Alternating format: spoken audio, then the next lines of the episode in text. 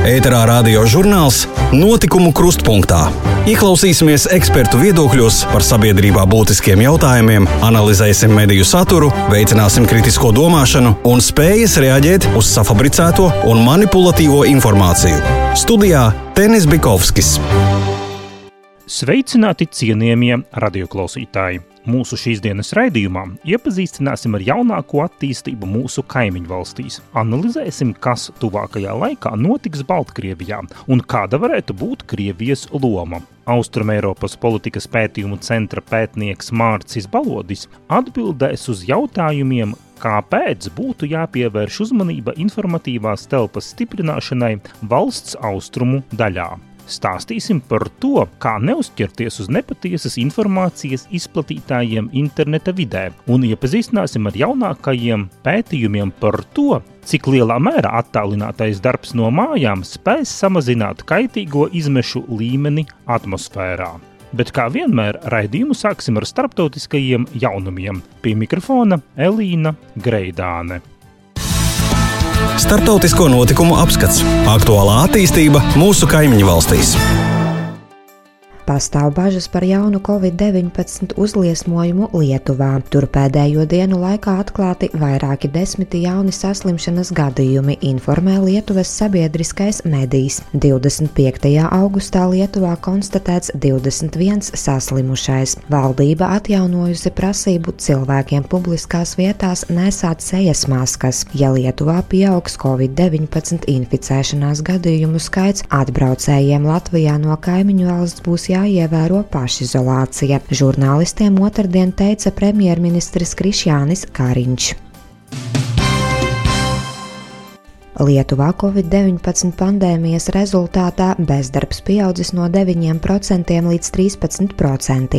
Kopš šā gada marta vidus Lietuvā reģistrējušies 62 tūkstoši bezdarbnieku. Igaunijā šogad konstatēti ap 10 tūkstošiem vardarbības gadījumiem ģimenē. Līdz ar Covid-19 pašizolācijas periodu audzis arī smago miesas bojājumu un nāves gadījumu skaits, kuru upuri lielākoties bijuši vīrieši. Vēsta Igaunijā Igaunijas sabiedriskais medijs. Rekordliels inficēšanās gadījumu skaits šonadēļ konstatēts Horvātijā, kur diennakts laikā saslimuši 358 cilvēki. Tas valstī ir augstākais jauno inficēšanās gadījumu skaits 24 stundu laikā kopš epidēmijas sākuma. Eiropas Savienības augstākais pārstāvis ārlietās un drošības politikas jautājumos Žuzeps Borels aicinājis Krieviju sākt neatkarīgu un caurspīdīgu Krievijas opozīcijas politiķa Navaļnija lietas izmeklēšanu. Savukārt Kremļa pārstāvis norādījis, ka šobrīd nesaredz nepieciešamību izmeklēt opozicionāra saslimšanas iemeslus un ka Vācijas klīnikas diagnoze varot mainīties. 44 gadus vecajam Navaļņiem, kas ko kopš sestdienas ārstējas Berlīnes Universitātes klīnikā konstatēta saindēšanās. Ārsti uzskata, ka viņa dzīvībai šobrīd briesmas nedraud. Kā vēsta sabiedriskā medija portāls LSM.CLV, Zviedrija palielinājusi militārās aktivitātes Baltijas jūras reģionā, tā skaitā palielinājusi karavīru skaitu Gotlandes salā. Zviedrijas armijas pārstāvi sarunā ar žurnālistiem norādīja, ka tas saistīts ar nedēļu ilgajām Krievijas armijas mācībām. Zviedrija galvenokārt vēlas uzraudzīt kuģu kustību un aktivitātes Baltijas jūrā. Pleskavas apgabala galvenais ārsts Aleksandrs Nesteruks otrdien, 25. augustā paziņoja, ka situācija ar covid-19 infekcijas izplatīšanos apgabalā pasliktinās. Par to informē Radio Brīvā Eiropa. Pēdējo divu nedēļu laikā saslimšanas gadījumu skaits esot pieaudzis par pusotru reizi. Galvenokārt inficēšanās pieaugums tika reģistrēts Pleskavas pilsētā. LTV ziņu dienests vēsta, ka Krievijas tālo austrumu pilsētā Habarovskā iedzīvotāji jau septīto nedēļas nogali izgāja ielās, lai protestētu pret eksgubernatora Sergeja Furgla aizturēšanu. Šoreiz protestētāju plakātos bija redzams arī saindētais opozīcijas līderis Aleksejs Navaļņīs. Iedzīvotāji pieprasa noskaidrot patiesos opozicionāra saslimšanas iemeslus. Ar šā gada 1. septembri Ukrainas pilsoņiem iebraukšanai Baltkrievijas teritorijā būs nepieciešama ārzemju pase. Šādu lēmumu 21. augustā pieņēma Ukrainas ministru kabinets sakarā ar biežo personas dokumentu viltošanas gadījumiem.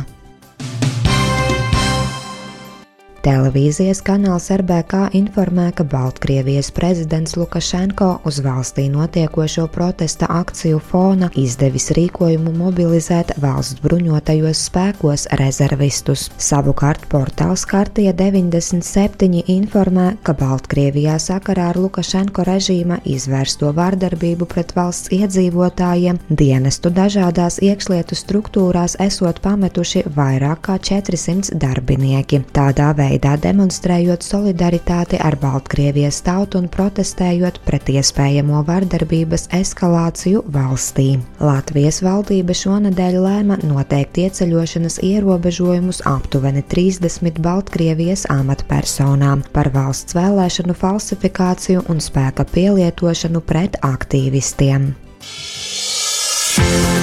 Ēterā radio žurnāls Notikumu krustpunktā kas tuvākajā laikā notiks Baltkrievijā un kāda varētu būt Krievijas loma. Vesela virkne analītiķu izsaka savas domas, taču īstas atbildes nav nevienam. Portālā LSM.CLV publicētas amerikāņu analītiķa Stīvena Sestanoviča pārdomas par to, kāpēc Putinam ir pieci iemesli neglābt Lukašenko. Pie mikrofona Andrejs Trokša.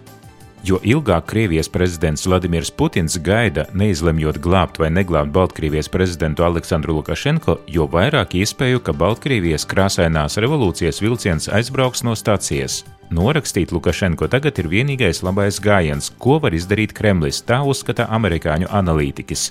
Baltkrievijā turpinoties demonstrācijām un streikiem, daudzi rietumu novērotāji prognozēja, ka Kremlis vienā vai otrā veidā iejauksies notiekošajā, lai glābtu Lukašenko diktatūru.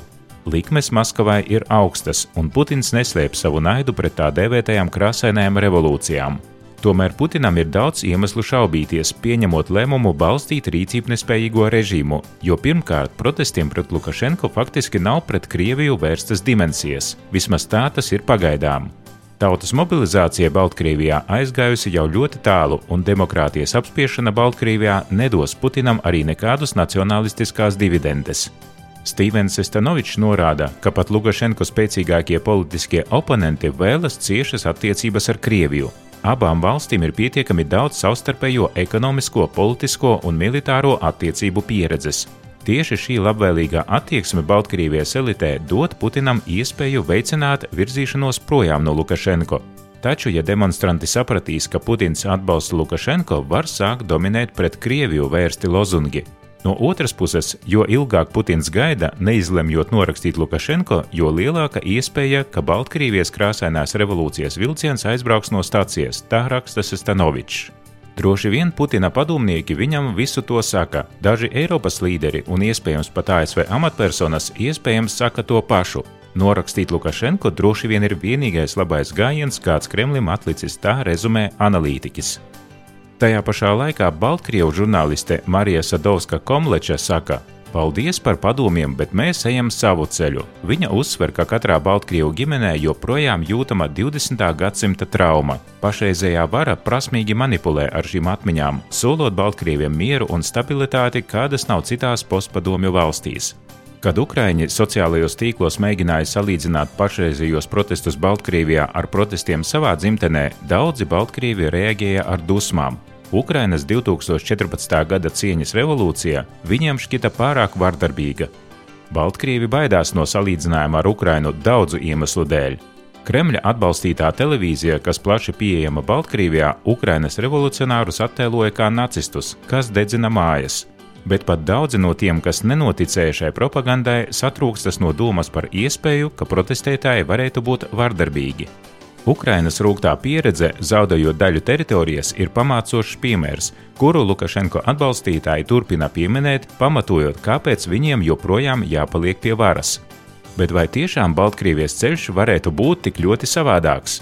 Jānorāda, ka Baltkrievijā, atšķirībā no Latvijas, Ukrainas vai citām postkomunistiskajām valstīm, Kremļa oligarhiem nav izdevies uzpirkt nelielos rūpniecības, enerģētikas un transporta uzņēmumus, nav notikusi zemes un rūpnīcu privatizācija. Situācija var mainīties, novācot autoritīvo Lukašenko, un tad var sākties valsts pārveidošana pēc labākajiem Startautiskā valūtas fonda vadītās tirgus ekonomikas paraugiem. Bet vai Baltkrievi to patiešām grib, Tik tālu viedokļi par Baltkrieviju, bet mēs ieklausīsimies Baltkrievu tautas dziesmā Kupaļinka grupas Primaki izpildījumā.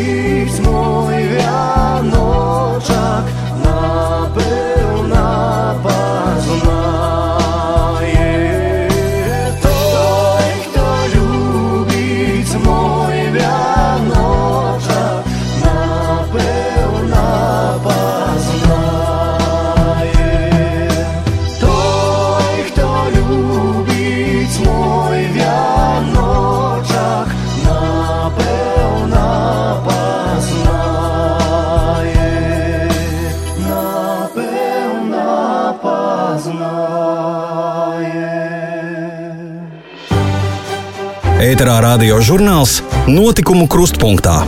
Ieklausīsimies ekspertu viedokļos par sabiedrībā būtiskiem jautājumiem, analizēsim mediju saturu, veicināsim kritisko domāšanu un spējas reaģēt uz safabricēto un manipulatīvo informāciju. Studijā Tenis Bikovskis. Turpinājumā pievērsīsimies Latvijas informatīvajai telpai. Kāpēc būtu jāpievērš uzmanība tieši mediju telpas stiprināšanai mūsu valsts austrumu daļā? Atbild Austrumēropas politikas pētījumu centra pētnieks Mārcis Balodis. Es domāju, Latvijas austrumu pierobežu reģionam īpaši uzmanība ir jāpievērš mūsu lielā austrumu kaimiņu dēļ. Jo Krievija mēģina izmantot, mēģina nostiprināt savu ietekmi Latvijā, savu uh, ārpolitisko mērķu sasniegšanai. Respektīvi, tas, ko devē par Krievijas tautiešu politiku. Krievijas tautiešu politikas mērķis ir um, nepieļaut vai vismaz kavēt uh, Latvijas iedzīvotāju integrāciju Latvijā. Un, teiksim, vairāk instrumenti, kas tam tiek izmantot, ir arī sadarbība, piemēram, kultūras jautājumos, izglītība, vēstures jautājumi. Tā tad arī pilnīgi ikdienišķas, pilnīgi vienkārši šķietam vienkāršas lietas, kuras, tiek, kuras pat Krievijas plānošanas dokumentos ir norādīts kā ārpolitiku veidojošie faktori. Respektīvi, šeit ir runa par valsts mēroga um, kampaņu, kā nostiprināt savu ietekmi un šķelt, vienlaikus šķeļot uh, Latvijas sabiedrību, traucējot integrāciju. Un es domāju, tas ir galvenais arguments, kāpēc Latvijas austrumu pierobežai ir jāpievērš īpaša uzmanība, uh, lai tieši rastu veidus, kā šim pretoties un kā veicinātu Latvijas iedzīvotāju integrāciju Latvijā. Bet pie kādiem secinājumiem ir nonācis Austrumēropas politikas pētniecības centrs? Austrumēropas politikas pētījuma centrs pagājušajā gadā nāca klajā ar analīzi par Daugopils un Reizeknes sadarbību ar Krieviju kopumā. Un galvenais secinājums bija tas, ka abas pilsētas īsteno diezgan ciešu un intensīvu sadarbību ar Krieviju, galvenokārt tādās jomās kā kultūra, izglītība, bērnu un jauniešu izglītība pamatā, kā arī vēstures jautājumi. Um, un šeit vienlaikus arī slēpjas izaicinājums. Uh, Latvijas pusē tā var tikt uztverta kā vienkārši ikdienas darba līmeņa sadarbība un pieredzes apmaiņa. Turpretī Krievijā tā tiek interpretēta un tiek izmantota savu mērķu sasniegšanai.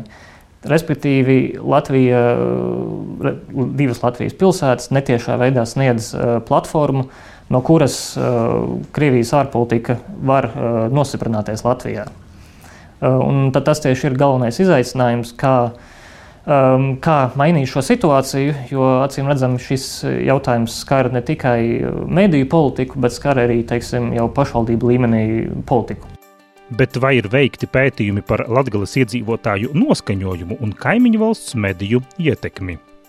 Uh, par šo ir veikti vairāki pētījumi uh, Latvijā, un teiksim, tas um, galvenais secinājums ir tas, ka uh, pārmetumi iedzīvotāju nelojalitātē īsti nav īsti datu, kas to varētu pamatot. Taču tajā pašā laikā galvenais, kas ir jāņem vērā, tas, ka krievalodīgie Latvijā ir ļoti daudzveidīga grupa, tā nav viendabīga. Un, attiecīgi, un tajā iekšēji pastāv dažādi, dažādi strāvojumi, dažādas intereses. Uh, taču teiksim, pārmetumi par to, ka visa Latvijas austrumu pierobeža ir, ir pilna ar ne, Latvijai nelojāliem iedzīvotājiem, uh, tam tiešu, tiešu empirisku pamatojumu nav. Taču, ko nevar noliegt, ir tas, ka Latvijas austrumu pierobežā Krievijas ietekmei, Krievijas ietekme ir nostiprinājusies. Kā viens no piemēriem ir gan Dārgopils, gan Reizeknas sadarbība ar Krieviju, piemēram, kaut kā īstenojot kultūras pasākumus, kuros visbiežāk uzstājas un piedalās mākslinieki no Krievijas, neproporcionāli daudz. Um, Plus arī, protams, eh, eh, Krievijas eh, plašsaziņas mediju plašā pieejamība pierobežā, kas regulāri pieejama arī kvalitatīvi, kas attiecīgi apgrūtina situāciju Latvijas medijiem vai Latvijā, latviešu valodā raksturošiem un raidošiem medijiem. Iegūt, iegūt auditoriju, nodrošināt, ka Latvijas iedzīvotāji patērētu galvenokārt Latvijā vai vismaz Eiropas Savienībā radītu saturu. Šobrīd ir divi galvenie riski. Pirmkārt, tas ir eh, daļai tas ir finansējuma jautājums, eh, it īpaši attiecībā uz reģionālajiem mēdījiem. Eh, proti, finansējums ir nepieciešams, lai pirmkārt nodrošinātu šādu mediju eksistēšanu un arī jaunu mediju radīšanu, lai palīdzētu celt medijiem kvalitātes standartus un arī samazinātu risku, ka mediji ir spiesti pazemināt paši savus standartus vai izdabāt kādu interesēm, lai tikai nodrošinātu savu eksistēšanu. Uh, savukārt, ilgtermiņā es domāju, šeit uh, galvenais, uh, galvenais, kas ir nepieciešams, Tā, tā ir pētniecība par to, kā uzrunāt vietējo auditoriju un kā panākt šīs auditorijas integrāciju valsts sabiedrībā. Līdz ar to tas zināmā mērā ir arī valsts strateģiskās komunikācijas jautājums, respektīvi jautājums par to, kā valsts komunicē pat ar saviem iedzīvotājiem, kas skar tiešā, visciešākajā veidā arī Latvijas austrumu pierobežas iedzīvotājus. Mēs zinām, ka atsevišķas Varakļānu novada domes amatpersonas administratīvi teritoriālās reformas kontekstā izteikušās, ka aiz Varakļāniem jau beidzas Latvija, ka nevēlas būt pie krieviskā Rēzeknes novada. Um, raugoties no dezinformācijas viedokļa, šāds apgalvojums ir ļoti riskants, jo, jo Kremļa propagandas uh, aparātam ir tendence uh, izraut uh, teikto no konteksta un to lokalizēt uh, vietējai, uh, vietējai auditorijai. Un arī teiksim, šāds izteikums var tikt izmantots, lai uzburtu ainu, ka lūk, krievalodīgie vai vienkārši krievi Latvijā tiek atstumti no, no sabiedriskajiem procesiem, ka, ka latvieši nevar sadzīvot ar krievalodīgajiem un tam līdzīgi. Tāpēc jā, šādi izteikumi, pret šādiem izteikumiem jābūt ļoti, ļoti uzmanīgiem. No, nu, šādi izteikumi bez konteksta un kur teiksim, par kaut kādu mēģinājumu vai par attaisnojumu nošķirt iedzīvotājs var tikt izmantots etniskais vai lingvistisks etniskā vai lingvistiskā uh, piedarība, ar tiem ir jābūt ārkārtīgi uzmanīgiem. Uh, nu, viennozīmīgi, jā, uh, valsts, valsts varas pārstāvjiem arī pašvaldību līmenī ir, ir jāpievērš uzmanība tam, ka tas, tas, ko viņi vēlas teikt, lai arī cik nevainīgs tas būtu, to, to ir iespējams arī pagriezt pret viņiem pašiem, vai šajā gadījumā pat pret visas valsts interesēm. Tāpēc šeit ir arī jāpievērš uzmanība jā, tam, ko un kā mm, amatpersonas saka. Tādās domās ir Austrumēropas politikas pētījumu centra pētnieks Mārcis Balodis. Ēterā radio žurnāls Notikumu krustpunktā. Bet turpinot jau aizsākto tēmu, pievērsīsimies tam, ko izplatām un ko lasām sociālajos tīklos.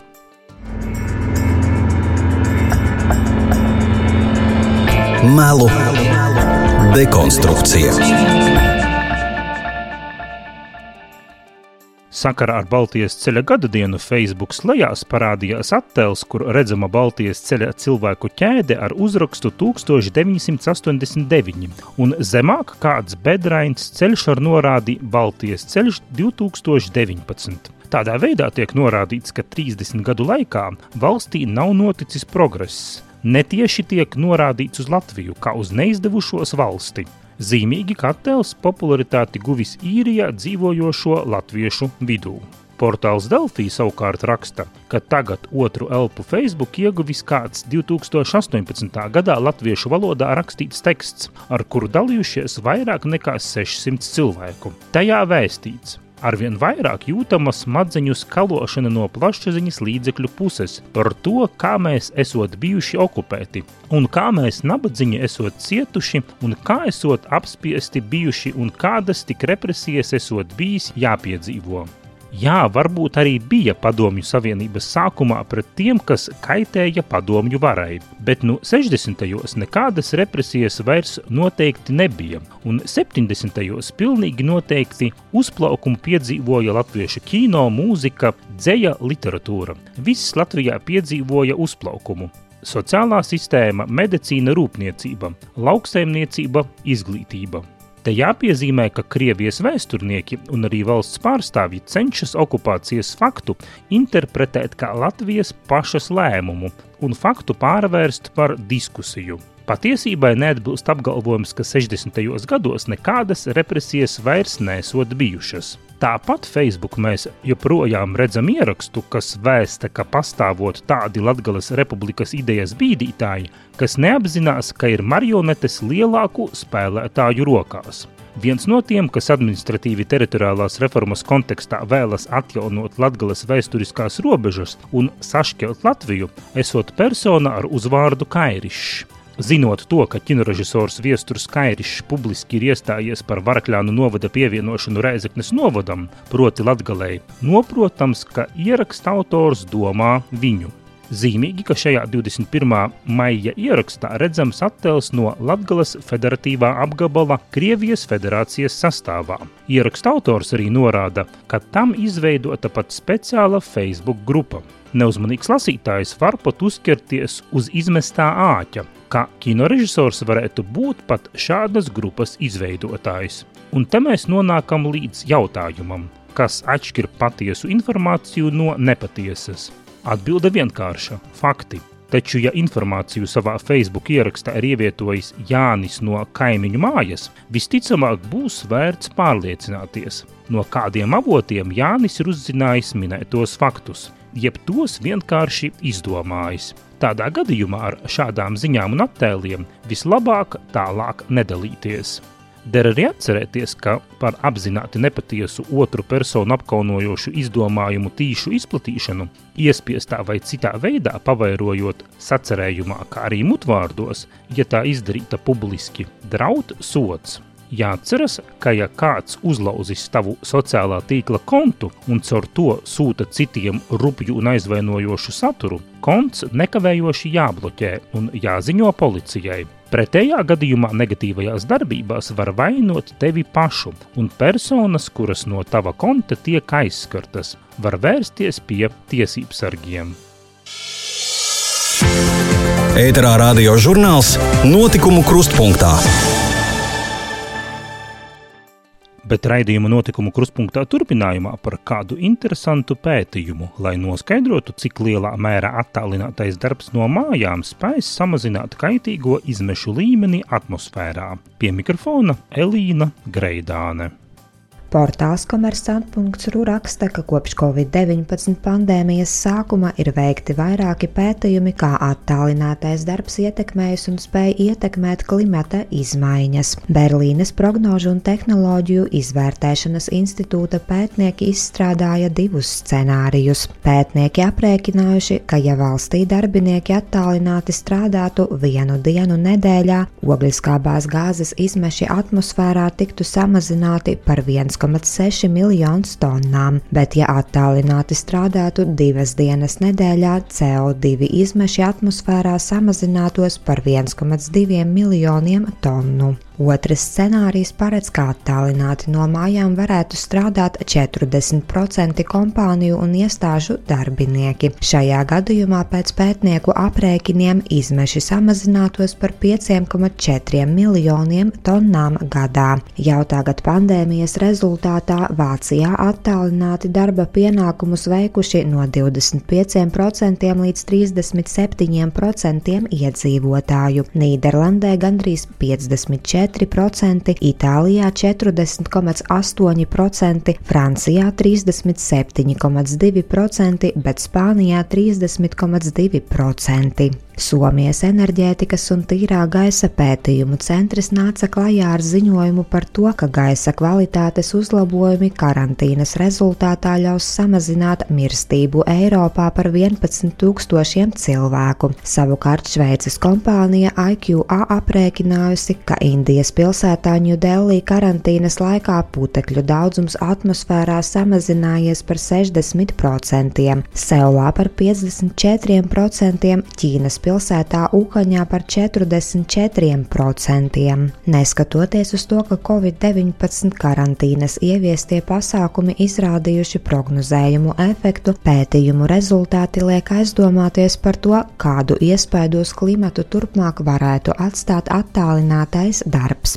Eksperti klimata izmaiņas jautājumos norāda, ka pārliecināt cilvēkus mainīt savus ieradumus būs grūti, jo sarežģīti redzēt iegūto efektu. Pēc ekspertu datiem līdz 56% amerikāņu strādā darbu, kuru iespējams veikt attālināti, un norāda, ka ja visi 56% ASV darbinieku vismaz pusnedēļu strādātu no mājām, tad kaitīgo izmešu samazinājums atmosfērā atbilstu tam, ja attālināti strādātu visi Ņujorkas pilsētas iedzīvotāji. Eksperti norāda, ka nav efektīvāka un lētāka veida, kā samazināt pašu radīto ogliskābās gāzes koncentrāciju atmosfērā, kā vien atteikties no regulāriem braucieniem uz darbu un atpakaļ. Tajā pašā laikā Vankūveras pilsētas plānošanas galvenais speciālists Brents Toderians prognozē, ka sakarā ar attālināto darbu liela daļa cilvēku pārcelsies no pilsētu centriem uz piepilsētām. Tas savukārt liks cilvēkiem pāriet no sabiedriskā transporta uz personīgo, un rezultātā degvielas patēriņš varētu tikai pieaugt. Nobeigumā būtu jāpiemina, ka saskaņā ar Startautiskās ekoloģisko pētījumu organizācijas Global Footprint Network, kura pēta cilvēces ietekmi uz apkārtējo dabu datiem, Covid-19 pandēmijas ierobežojumu rezultātā globālās ekonomikas ietekme uz ekoloģiju kopumā ir samazinājusies par 10%. Tomēr cilvēces bioresursu patēriņš joprojām saglabājās milzīgs, un lai noslēgtu šo patēriņu, cilvēks cilvēcei būtu nepieciešamas 1,6 reizes lielāka planēta nekā Zeme. Kā rāda daudzie pētījumi, Zemes ekoloģisko resursu globālais patēriņš palielinājās jau pagājušā gadsimta 70. gados, un pašreizējais civilizācijas ekoloģisko resursu patēriņš, jeb ekoloģiskais parāds, atbilst 18 gadiem. Tas savukārt norāda uz to, ka ar īslaicīgiem ekoloģiskās situācijas uzlabojumiem, kādus pašreiz uzrāda Covid-19 pandēmijas ieviesto ierobežojumu rezultātu, rezultāti, problēma perspektīvā bez globālām izmaiņām netiks atrisināta. Ēterā radio žurnāls Notikumu krustpunktā. Ar dziesmu pusnakts trijādis mūsu raidījums izskan. Visu labu mūsu klausītājiem abos Daugavas krastos novēlu es, Tenis Bikovskis. Uz sadzirdēšanos jau nākošu nedēļu.